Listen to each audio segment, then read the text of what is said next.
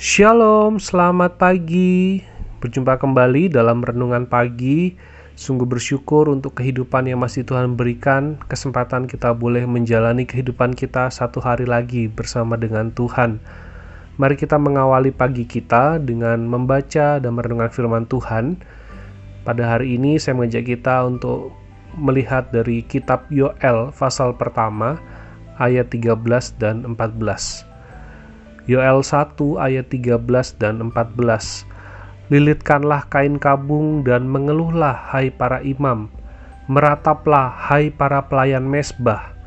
Masuklah, bermalamlah dengan memakai kain kabung, hai para pelayan Allahku, sebab sudah ditahan dari rumah Allahmu korban sajian dan korban curahan. Adakanlah puasa yang kudus, maklumkanlah perkumpulan raya, kumpulkanlah para tua-tua dan seluruh penduduk negeri ke rumah Tuhan Allahmu dan berteriaklah kepada Tuhan. Orang bijak berkata, penyesalan akan ada di akhir. Kalau di awal namanya pendaftaran. Ya, apa yang dialami oleh orang Israel tentu mereka menyesalinya, mereka meratapinya karena kesusahan dan kesulitan yang mereka alami pada saat Nabi Yoel menyuarakan suara Tuhan. Yoel pasal yang pertama ini mencatat hal buruk yang dialami oleh bangsa Israel sebagai bentuk disiplin Allah terhadap umatnya. Umat Israel diminta untuk memperhatikan bahwa Tuhan menghukum mereka, Tuhan mendisiplin mereka umat Tuhan diminta untuk menyadari bahwa mereka telah berdosa di hadapan Allah, bahwa mereka adalah pendosa. Umat Tuhan diminta untuk meratapi diri mereka atas apa yang mereka alami. Dan di dalam bagian ini yang kita baca, umat Tuhan dipanggil oleh Tuhan untuk kembali beribadah kepadanya. Melalui Nabi Yoel, Tuhan memanggil pemimpin rohani untuk membawa umat kembali kepada Allah. Lilitkanlah kain kabung, masuklah, bermalamlah, hai para pelayan Allahku, hai para pelayan mesbah. Dalam zaman perjanjian lama, untuk datang beribadah kepada Tuhan, untuk mengadakan ibadah, ada peraturan-peraturan sesuai dengan hukum Taurat.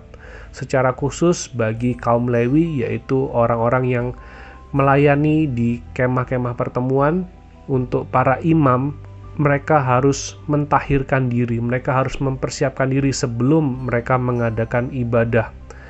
Dan Allah dengan perantara Nabi Yoel berseru agar para imam dapat mempersiapkan diri untuk mengadakan ibadah umat kepada Allah. Dikatakan di sana juga, adakanlah puasa yang kudus, adakanlah perkumpulan raya, kumpulkanlah para tua-tua dan seluruh penduduk ke rumah Tuhan, berteriaklah pada Tuhan. Ada empat perintah yang diberikan oleh Tuhan kepada para imam dan seluruh umat Israel. Yang pertama dikatakan adakanlah puasa yang kudus. Mengadakan puasa yang kudus ini bukan soal puasa menahan lapar, karena kondisi mereka sendiri pun saat itu mereka dalam kondisi kesulitan pangan karena tulah belalang yang menghabiskan seluruh hasil panen, tidak ada persediaan apa pun. Ada yang lebih penting daripada makanan. Mengapa mereka harus berpuasa? Yaitu untuk memperbaiki hati mereka. Ada yang lebih penting daripada makanan, yaitu melakukan yang benar di hadapan Tuhan. Ada yang lebih penting daripada makanan, yaitu pengampunan Tuhan yang mereka butuhkan. Yang kedua dikatakan adakanlah perkumpulan raya. Mengadakan perkumpulan raya. Perkumpulan raya atau perayaan adalah satu momen di mana umat Israel biasanya berseru, menari-nari, bernyanyi, memuji Tuhan. Tetapi dalam bagian ini mereka di, diminta untuk mengadakan perkumpulan raya bukan untuk menari-nari, tetapi untuk mereka bersama-sama menyatakan kesatuan mereka sebagai umat Allah untuk bertobat, untuk datang pada Allah dengan penuh penyesalan atas apa yang sudah mereka lakukan dan menyadari bahwa mereka membutuhkan Tuhan. kumpulkanlah para tua-tua dan seluruh penduduk ke rumah Tuhan. Tuhan ingin agar umatnya bersungguh-sungguh, dan ini dimulai dari para tua-tua, orang yang dianggap penting, orang yang dihormati, agar boleh menjadi teladan untuk semua berkumpul di rumah Tuhan. Kalau kita melihat ibadah-ibadah bangsa Israel, biasanya ada korban yang dipersembahkan, tetapi pada waktu Nabi Yoel menyuarakan berita ini, apa yang harus mereka persembahkan itu tidak ada. Dikatakan di ayat yang ke-13, sudah ditahan dari rumah Allahmu korban sajian dan korban curahan. Tidak ada lagi korban bagi Allah. Tetapi yang Tuhan inginkan itu yang terutama bukanlah korban, tetapi Tuhan menginginkan kesungguhan hati dari umatnya. Persembahan itu adalah nomor dua dan nomor sekian. Yang terpenting adalah hati untuk datang kepada Tuhan, mempersembahkan diri sepenuhnya hidup untuk Tuhan. Itulah yang menjadi kehendak Tuhan bagi umatnya. Dan diakhiri dengan berteriaklah pada Tuhan. Akhirnya ungkapan hati yang terdalam itu luapkanlah di hadapan Tuhan karena Tuhan menerima umatnya dengan kasih dan pengampunannya telah tersedia. Ia telah menebus dan menyelamatkan. Kembalilah kepada Tuhan.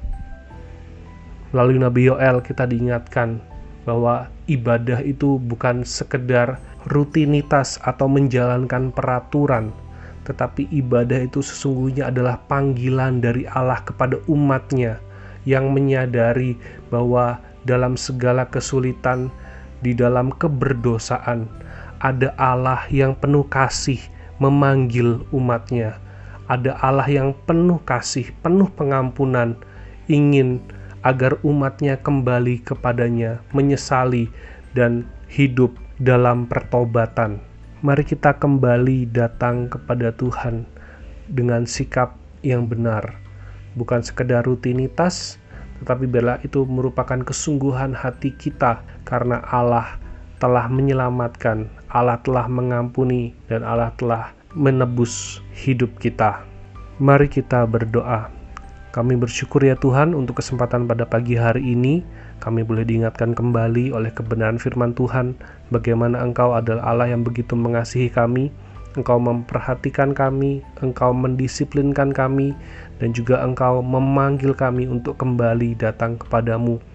Biarlah hati kami ya Tuhan boleh menjadi hati yang menerima akan kasih Tuhan, menyadari akan kelemahan kami, dan kami mau dengan kesungguhan hati datang kepadamu, menyerahkan hidup kami sebagai persembahan yang hidup untuk kemuliaan namamu dan biarlah melalui kehidupan kami kami pun dapat menyatakan kasih Tuhan kepada orang-orang di sekitar kami kami menyerahkan untuk kehidupan kami sepanjang hari ini, di dalam pekerjaan kami, di dalam aktivitas kami, perkataan kami, pikiran kami, tindakan kami.